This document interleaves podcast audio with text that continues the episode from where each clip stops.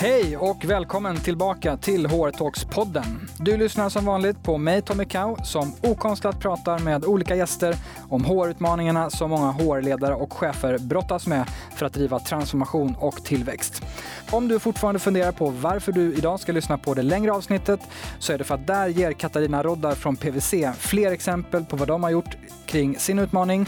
Du får även fler av Katarinas tips, höra mer om hennes egna resa i karriären, hennes tydligaste HR-spaningar och även svar på utvalda lyssnarfrågor.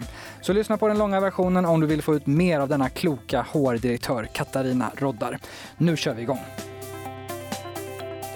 Välkommen till ett nytt avsnitt av HR Talks-podden. Idag pratar vi om hur du bygger ett HR-tech-labb och utmanar interna processer för att förbättra medarbetarupplevelsen. Och visst behövs detta i många företag. Redan 2018 så utsåg Forbes året till medarbetarupplevelsens år och ämnet är nu högt upp på mångas agenda. För att lyckas vässa medarbetarupplevelsen däremot så behövs en digitalisering av många HR-processer och nya arbetssätt. Och här ligger många svenska företag efter. En ny undersökning från Edge HR bland annat visar till exempel att HRs digitaliseringsindex bara når 55,8 procent. Med andra ord anser sig HR själva att man har digitaliserat sitt arbete till lite mer än hälften. Så hur kan man då jobba mer med digitalisering och ny teknik för att förflytta HR och medarbetarupplevelsen?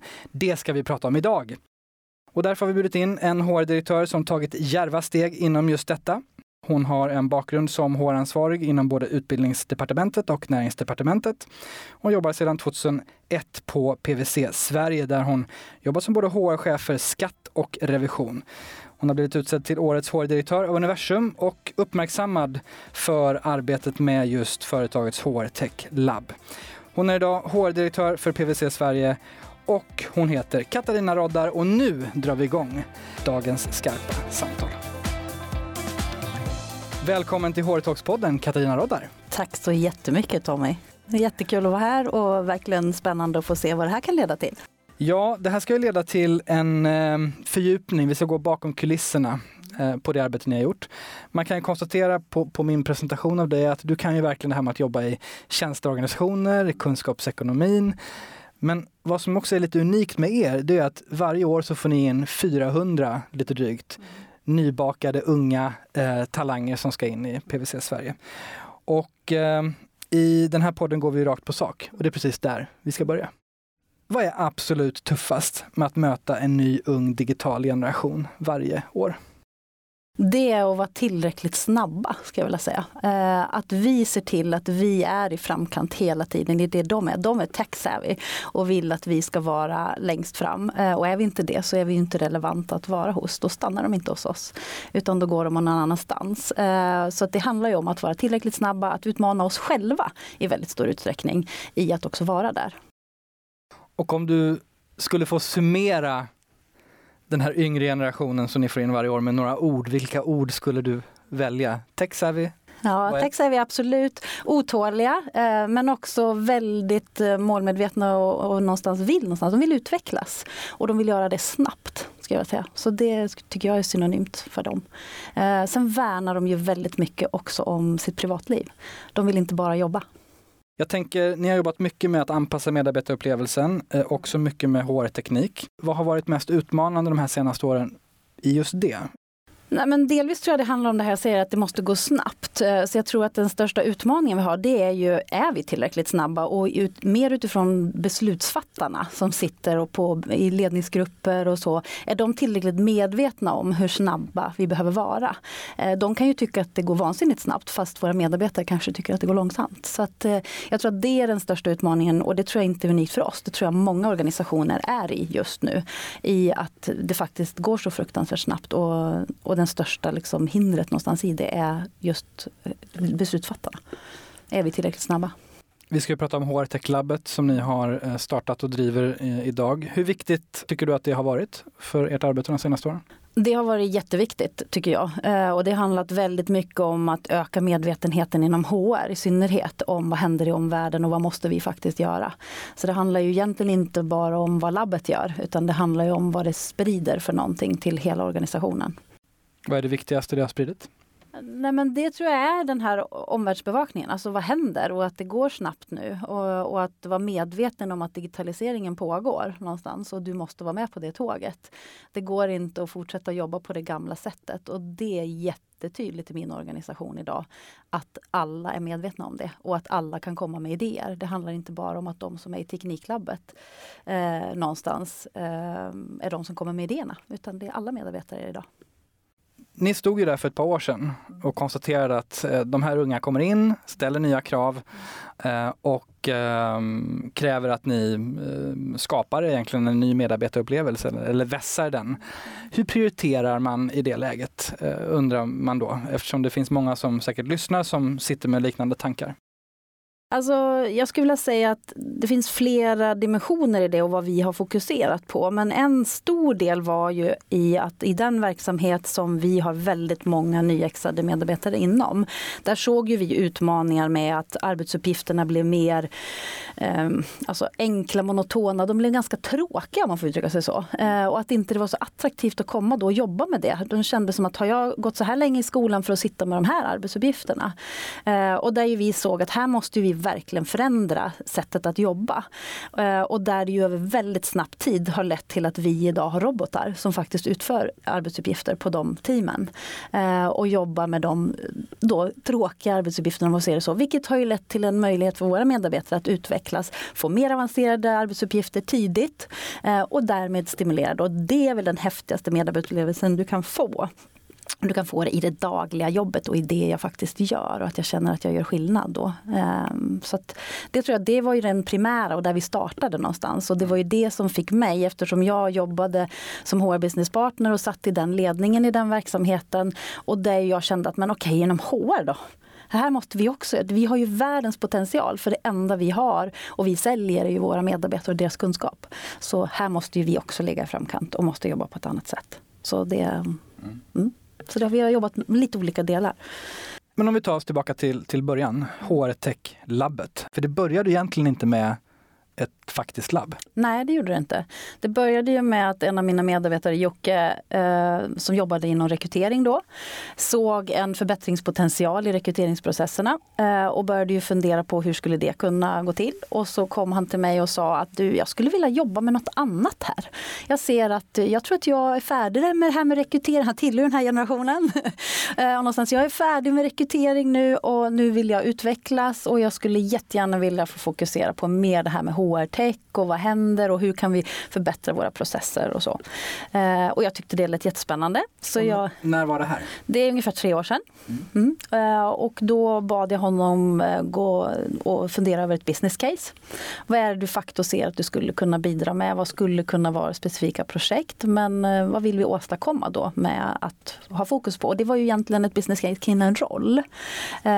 Och eh, han gjorde det och kom tillbaka och vi diskuterade detta eh, och jag vågade satsa.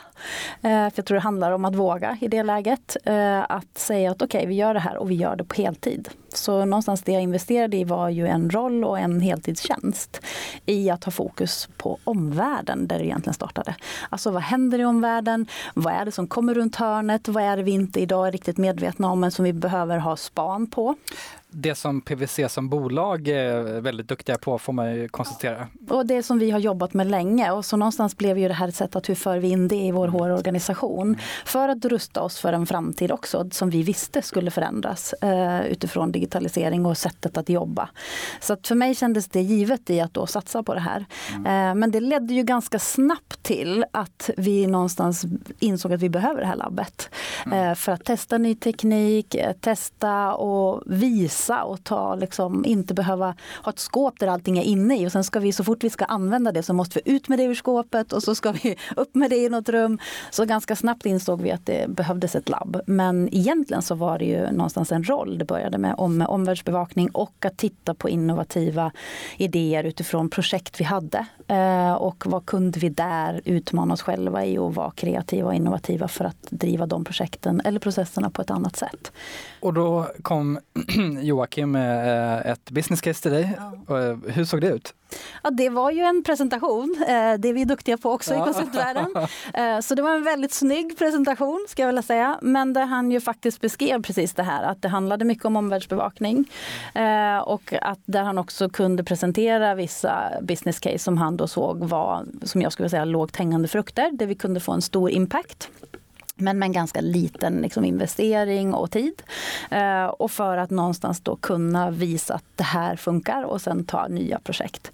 Eh, och bland annat hade ju det kopplat till rekrytering då, där han kom ifrån. Eh, där vi ju såg att själva avslutet i varje rekrytering tog väldigt lång tid utifrån att eh, få kontakt med de kandidater som vi ville signa. Eh, och där vi då när vi väl var överens om det så skulle vi leta rätt på en chef som skulle skriva på det här anställningskontraktet. Så skulle vi skicka det med posten och vi vet ju hur det är med posten, det kan ta flera dagar mm.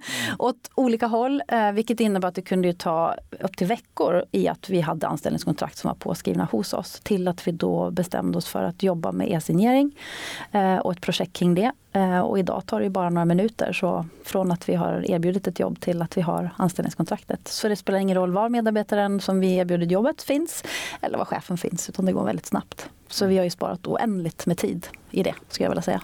Och sänkt risken tänker jag också i att folk hoppar av i slutsteget. Ja, också någonstans säkerställa att inte det tar så här lång tid som vi såg att vi tappade kandidater på att det tog lång tid. Du var inne tidigare på att som sagt, det här började inte med ett labb. Men till slut insåg ni att ni behöver nog ett labb. Eh, Eh, Berätta om den eh, korta resan. Hur det blev ett labb? Ja, ja, jo, men det var ju ganska tidigt som eh, Jocke kom och sa att vi måste nog ha ett rum för det här. Och så, vi var ganska trångbodda, eh, det fanns inte så mycket rum. Eh, så det handlade om att bygga om någon stor yta och det fick vi inga pengar till och resurser. Så då tittade Jocke på mig och så sa han det finns ett rum som faktiskt skulle funka. Och det är ditt rum. Just det. Eh, och jag sa självklart, då tar vi mitt rum. Eh, för jag insåg, jag sitter ju inte där så mycket. Eh, men det är klart att jag eh, funderade, hur ska det gå? Eh, en HR-direktör som inte kan ha samtal i sitt eget rum. Och det var många andra som ifrågasatte det, ska jag säga. Så kanske snarare kanske det snarare det. än jag mm. själv. Men det innebär ju att vi har gått över och jobbar helt aktivitetsbaserat på HR. Och där jag är en del av det, vilket innebär att jag har ingen fast plats. Utan jag rör mig som alla andra och det är det bästa jag har gjort. Så jag tackar Jocke för det, att han tog det och gjorde det till ett labb. Och det används ju nu hela tiden Eh, mitt rum stod ju mest tomt faktiskt. Jag var ju på möten och någon annanstans mest. Och det känns som att det blir lite mer på riktigt också. Att det finns ett faktiskt labb, fysisk plats, som får manifestera förändringen som ni vill genomföra. Och det är ju det också att den inte, som jag säger, det blir inte bara Jocke och det han gör, utan det han har lyckats med, eller vi tillsammans kanske har lyckats med, det är ju att få hela HR och se vikten av det här. Mm. Vilket innebär att en del av de här initiativen jag pratar om är ju inte Jockes idé, utan det är ju det vi har inspirerat med det här labbet, som andra då i HR-teamet kommer med idéer.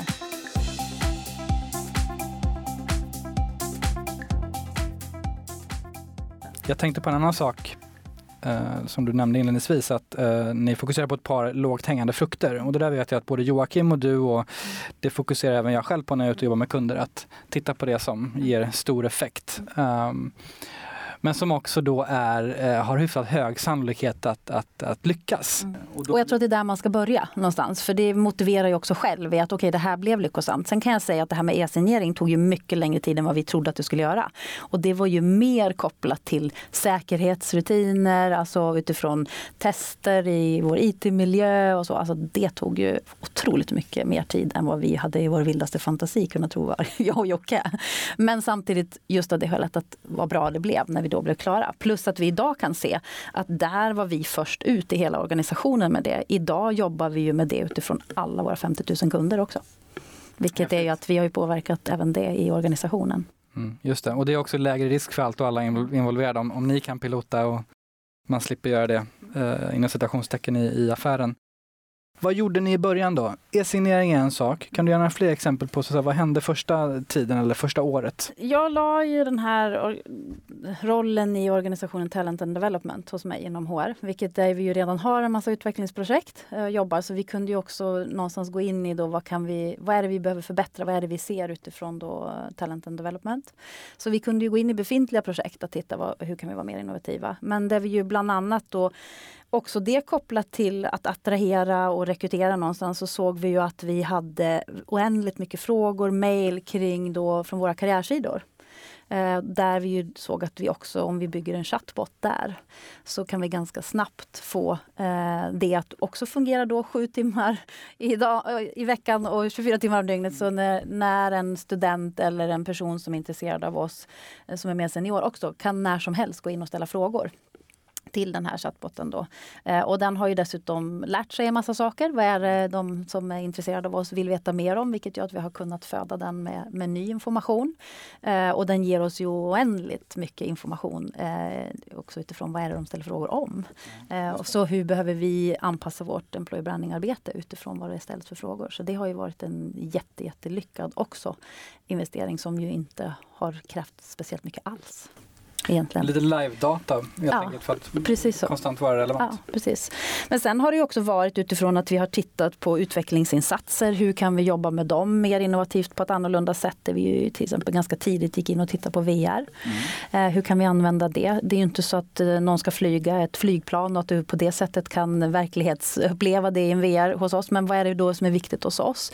Där vi kunde konstatera att nej, men det handlar mycket om sälj. Det handlar mycket om presentation, alltså i att bygga relationer organisationer eh, där vi ju då har VR-utbildning nu i säljteknik och i presentationsteknik. Så att man får göra det i VR i HR Tech Labbet.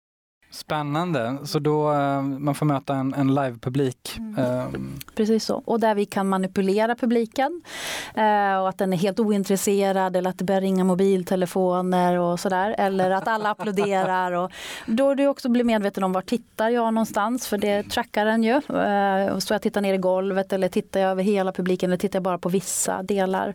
hur rör jag mig? Det ser man ju. och dessutom då gör vi det ofta i grupper vilket innebär att det sitter personer och tittar på kan ju också se både live på den här personen men ser ju också på skärmen vad händer. Och ge feedback kan du också göra. Precis så. Eh, så det blir en otroligt stark och sen också att du själv kan då titta på den här för det spelas ju in så att du kan själv se hur har du agerat då. Eh, och väldigt effektfullt. Så det är väldigt uppskattat. Är det att man anmäler sig och man, man går, ni har köpt in massa? Nej, det är en del av vår utbildningskatalog liksom, eh, om man uttrycker sig så. Som du kan gå in då, en del av, av en utbildning som vi redan har så är det här en modul då som man går in i. Men sen har ju det då spridit sig vilket gör att ibland har vi ju ledare som till exempel ska stå och pitcha en stor offert eller som ska eh, stå inför hela sin medarbetargruppering på flera hundra personer som vill komma och testa det i vårt labb också för att träna. Så det har också börjat sprida sig, vilket är jättekul. Att vi kan använda det mer sådär löpande och spontant utifrån behov. VR har ju blivit lite eh, kritiserat för att det, liksom, det blir inte så mycket av VR, eh, konstaterar många. Men det området som det ändå händer mycket inom och där många hyllar VR är just inom lärande på olika sätt. Eh, vad spännande. Så det, och sen finns det ju många andra delar utifrån det här med development. Vi har ju gjort en helt ny paketering och det har vi precis gjort. Alltså i att de utvecklingsinsatser vi har behöver ju vara på ett annat sätt. Tidigare till exempel om du tittar ledarutvecklingsprogram som var i veckovis och det var offsite. Det har vi ju paketerat om helt och som är nu i små moduler. En del är ehm, livestreamade event, en del är att du mer åker iväg fortfarande men det är ju väldigt få dagar. Eh, eller att det är e-learnings och att det där är liksom paketerat. Allt från att leda sig själv, vilket är viktigt hos oss att alla gör till att det handlar om att leda andra i grupper, i team eh, eller för den delen leda PVC. Mm. Som en sån ledarroll. Och det är också ett viktigt sätt att, att jobba med. Hur gör vi det och hur paketerar vi det? Så det har ju varit en stor satsning också.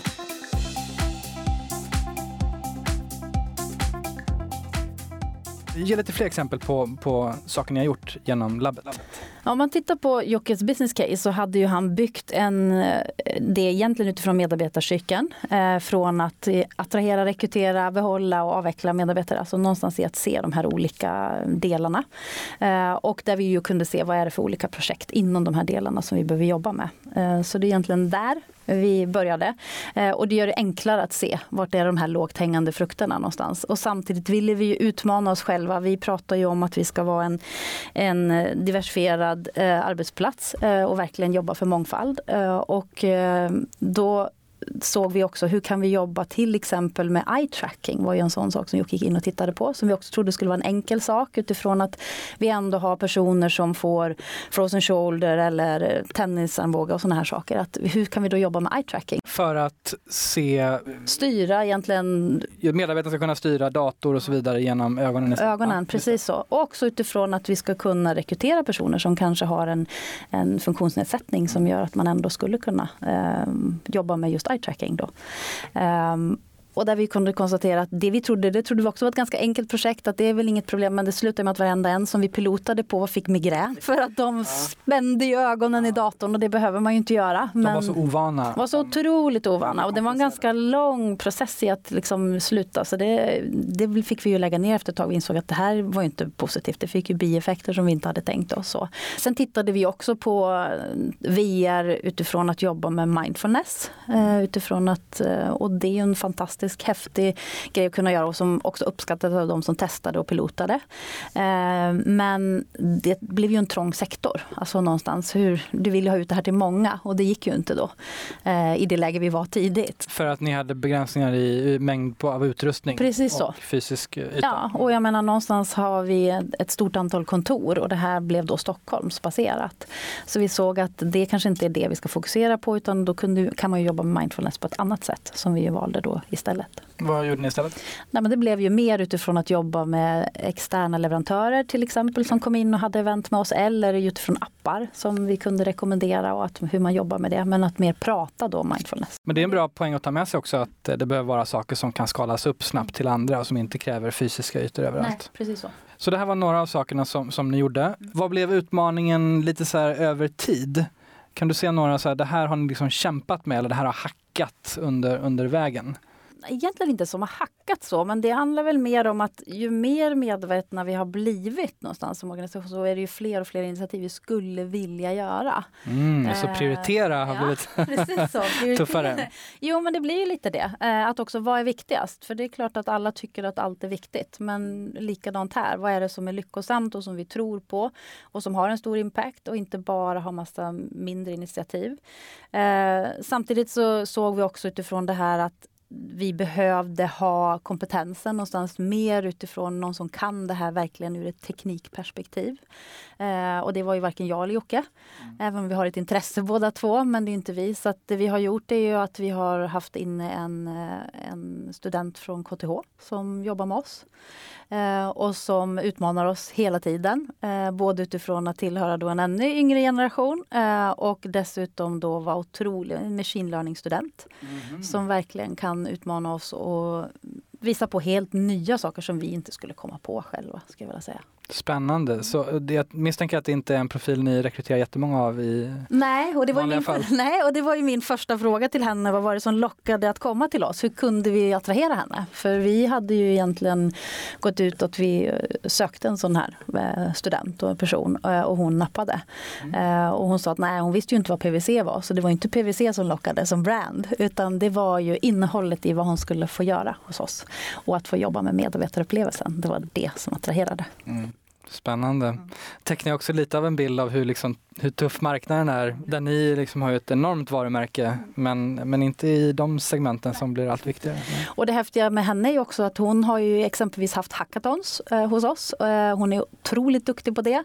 Så bland annat hade vi ett gemensamt event med HR och marknad och kommunikation. Ungefär 100 personer totalt.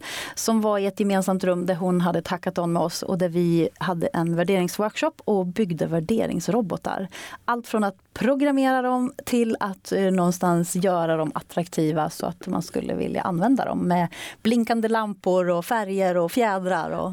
Vad är takeaways från, från ett bra hackathon om du ska skicka med några? Alltså samverkan som blev då, den energinivån var helt enorm och det blev ju naturligtvis en tävling mellan alla dessa som satt och byggde sina robotar att bli klar först. Ehm, men eh, jag tror takeawayen var ju att både hur enkelt det faktiskt är. Vi byggde ju robotar utan den kunskapen men vi fick tillräcklig guidning så att det går att lära sig.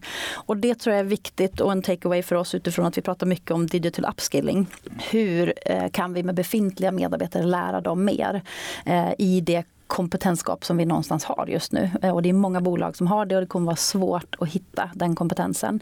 Så hur kan man jobba med det? Och det här var ju ett enkelt sätt att stimulera det och få personer att inse att nej men jag kan ju. Jag kan faktiskt programmera för jag gjorde precis det. Den här roboten har jag programmerat.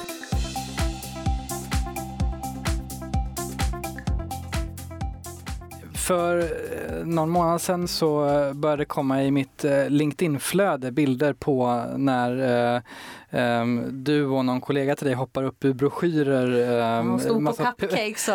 Ja, det var PVC som, som började dela lite grejer på, på, på LinkedIn. Berätta vad, vad det var för något. Jo, då lanserade vi våran Change Story eh, internt eh, tillsammans med vår Leadership Journey eh, som ett gemensamt event. Eh, och då pratade vi rätt mycket om hur skapar vi en snackis om det här? Hur skapar vi en attention kring det? Inte ytterligare en lansering av något och begrepp och så. Eh, så att eh, tillsammans med vår change leader Bosse så var jag i en studio och spelade in en AR-film en AR-film, alltså ja. augmented reality-film. Precis mm. så. Vilket innebär att eh, vi dök upp på både det ena. Vi dök upp på skrivbord som du säger, eller vi dök upp på cupcakes och, och så som eh, vi var där. Det var lite Teskedsgumman över det för de som känner till det. Men förklara för de som inte är eh, med exakt hur det här fungerar. Ja, det är ju som att eh, du skannar ju, du använder ju en app som du tittar i din mobil eh, och skannar den appen. Eller du kunde skanna den här cupcaken som det var ett lock på. Eh, där du kunde då skanna det och eh, upp kom då eh, jag och Bosse ur den här. Så det såg ut som vi stod där fast i miniformat. Eh, och pratade då om eh, vår change story och hur vi ser på ledarskap i den förändring som vi är i mitt i och som hela tiden pågår. Och ja, vi kan absolut säga att det blev veckans snackis utan problem. det nådde ju till och med många av oss andra på, på utsidan. Men och det var ju ett spännande sätt att också testa något annat. Eh, och jag tror att det kom också från det här att vi har skapat en mer kreativ HR, eh, liksom, mm. tänket kring HR och hur vi lanserar saker. Eh, så det här är ju en medarbetares idé. Ska vi inte testa det här? Vad händer härnäst? Vad är nästa steg? Vad är utmaningarna framåt? Nej, men om man tittar ur HR-perspektivet så ser jag väldigt mycket att eh, det vi har fokus nu på där, det är ju, vi har ju ett medarbetarlöfte som är the opportunity of a lifetime. Eh, och det handlar ju väldigt mycket om vårt EVP. Eh, hur kan vi någonstans leverera på det? Och det tittar vi jättemycket på nu. Eh, hur vi ska både skapa innehållet men också hur paketerar vi det på ett klokt sätt så att vi kan eh, bli tydliga med våra befintliga medarbetare, vad det är vi har, men också utifrån de vi attraherar, vad är det vi vill erbjuda. Eh, så det är ju en jätteviktig del. Eh, men sen, och, där ju också, det handlar lite det vi var inne på tidigare, det här med kompetensförsörjning. Hur hittar vi de här kompetenserna? Det är våra medarbetare kommer att vara de absolut viktigaste ambassadörerna. Eh, hur får vi dem att bli det och vara det? Men det är också, vad är det vi kan särskilja oss i? Ja, det är ju någonstans vad vi står för. Vad har vi för värderingar? Vad har vi för högre syfte någonstans? Och, också vilken kultur har vi? Vad är det, vi kan, det är ju det vi kan konkurrera med och göra skillnad i. Så det behöver ju vi någonstans har fokus på nu. Eh, mycket mer. Vi har vi redan haft, men ännu mer som jag ser det. Eh, sen är det ju du, med alla implementationer och av verktyg och system och så som vi har gjort de senaste åren så handlar det om att ta hand om all masterdata. Alltså hur förmerar vi någonstans det här? Om du tittar på, på HR till exempel, alltså People Analytics är ju ordet att prata om någonstans. Hur tar vi vara på all den information vi nu har? Eh, och hur kan vi göra något med den och fatta nya beslut utifrån det och verkligen bidra till verksamheten med siffror. Så, på ett annat sätt som HR kanske inte alltid är vana vid att göra. Eh, det tror jag är en jätteviktig nyckel nu. Jag tänkte på det, den första prioriteringen där med talangjakten mm. och er DVP. Hur spelar HR Tech-labbet in i det och hur spelar HR Tech in i, i det arbetet med EVP och, och mycket mer än du anar. nej, men det handlar ju, nej, men det handlar ju lite om... Eh, det är klart att vi via HR Labbet och till exempel vår chatbot vet vad de vill veta mer om. Eh, vilket innebär att vi ju kan förpacka nu och mm. någonstans göra olika delar av det här EVP. Eh, där HR Labbet har en jätteviktig del mer säger jag inte. Men eh, det kommer hända mycket saker. Vi har otroligt mycket i pipen som ska bli jättespännande att se hur det tas emot av både våra befintliga medarbetare men också när vi sen då väl eh, lanserar utifrån att öka vår attraktivitet även på utsidan.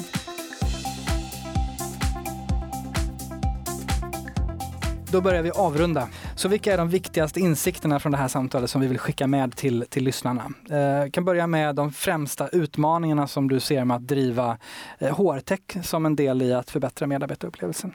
Jag tror att det handlar ju jättemycket om att Eh, verkligen hitta nyckeln till det här med, om man får säga AI och HI någonstans, alltså utifrån den eh, humana intelligensen och mer då teknik. Eh, hur hittar du den kombinationen? Hur tillvaratar du potentialen hos medarbetarna i den utvecklingen som sker? För det innebär ju nya arbetsuppgifter, nya sätt att vara. Och där måste du jobba med det på olika sätt. Både utifrån att ha fokus på vilka verktyg behöver vi då för att verkligen åstadkomma den förändringen vi vill i medarbetarupplevelsen upplevelsen. Men det handlar ju också om hur ser vi till att vi också tar tillvara på att se till att andra jobbar med andra saker. Då. Eh, och delvis kan det handla om digital upskilling men det kan likväl handla om att jobba med helt andra, mer specifika HR-relaterade frågor med ett annat fokus än du kanske hade innan. Eh, och det är klart att om du inte förstår varför du ska göra det så blir det svårt att också göra den förflyttningen. Och där tror jag att pilota är en nyckel till att våga testa, utmana dig själv, våga misslyckas också eh, för att lyckas och se att det är ett sätt att vara framgångsrik och att det får ringar på vattnet. Om du skulle summera då de främsta konkreta sakerna som ni har gjort för att själva möta den här utmaningen och förbättra medarbetarupplevelsen? Ja, utöver att vi någonstans har skapat nya verktyg, plattformar, eh, appar utifrån att jobba med våra kunder. Eh, det skapar en otrolig annan medarbetarupplevelse också, inte bara för kunderna, eh, för medarbetarna. Att vi har lanserat en ny HR-plattform.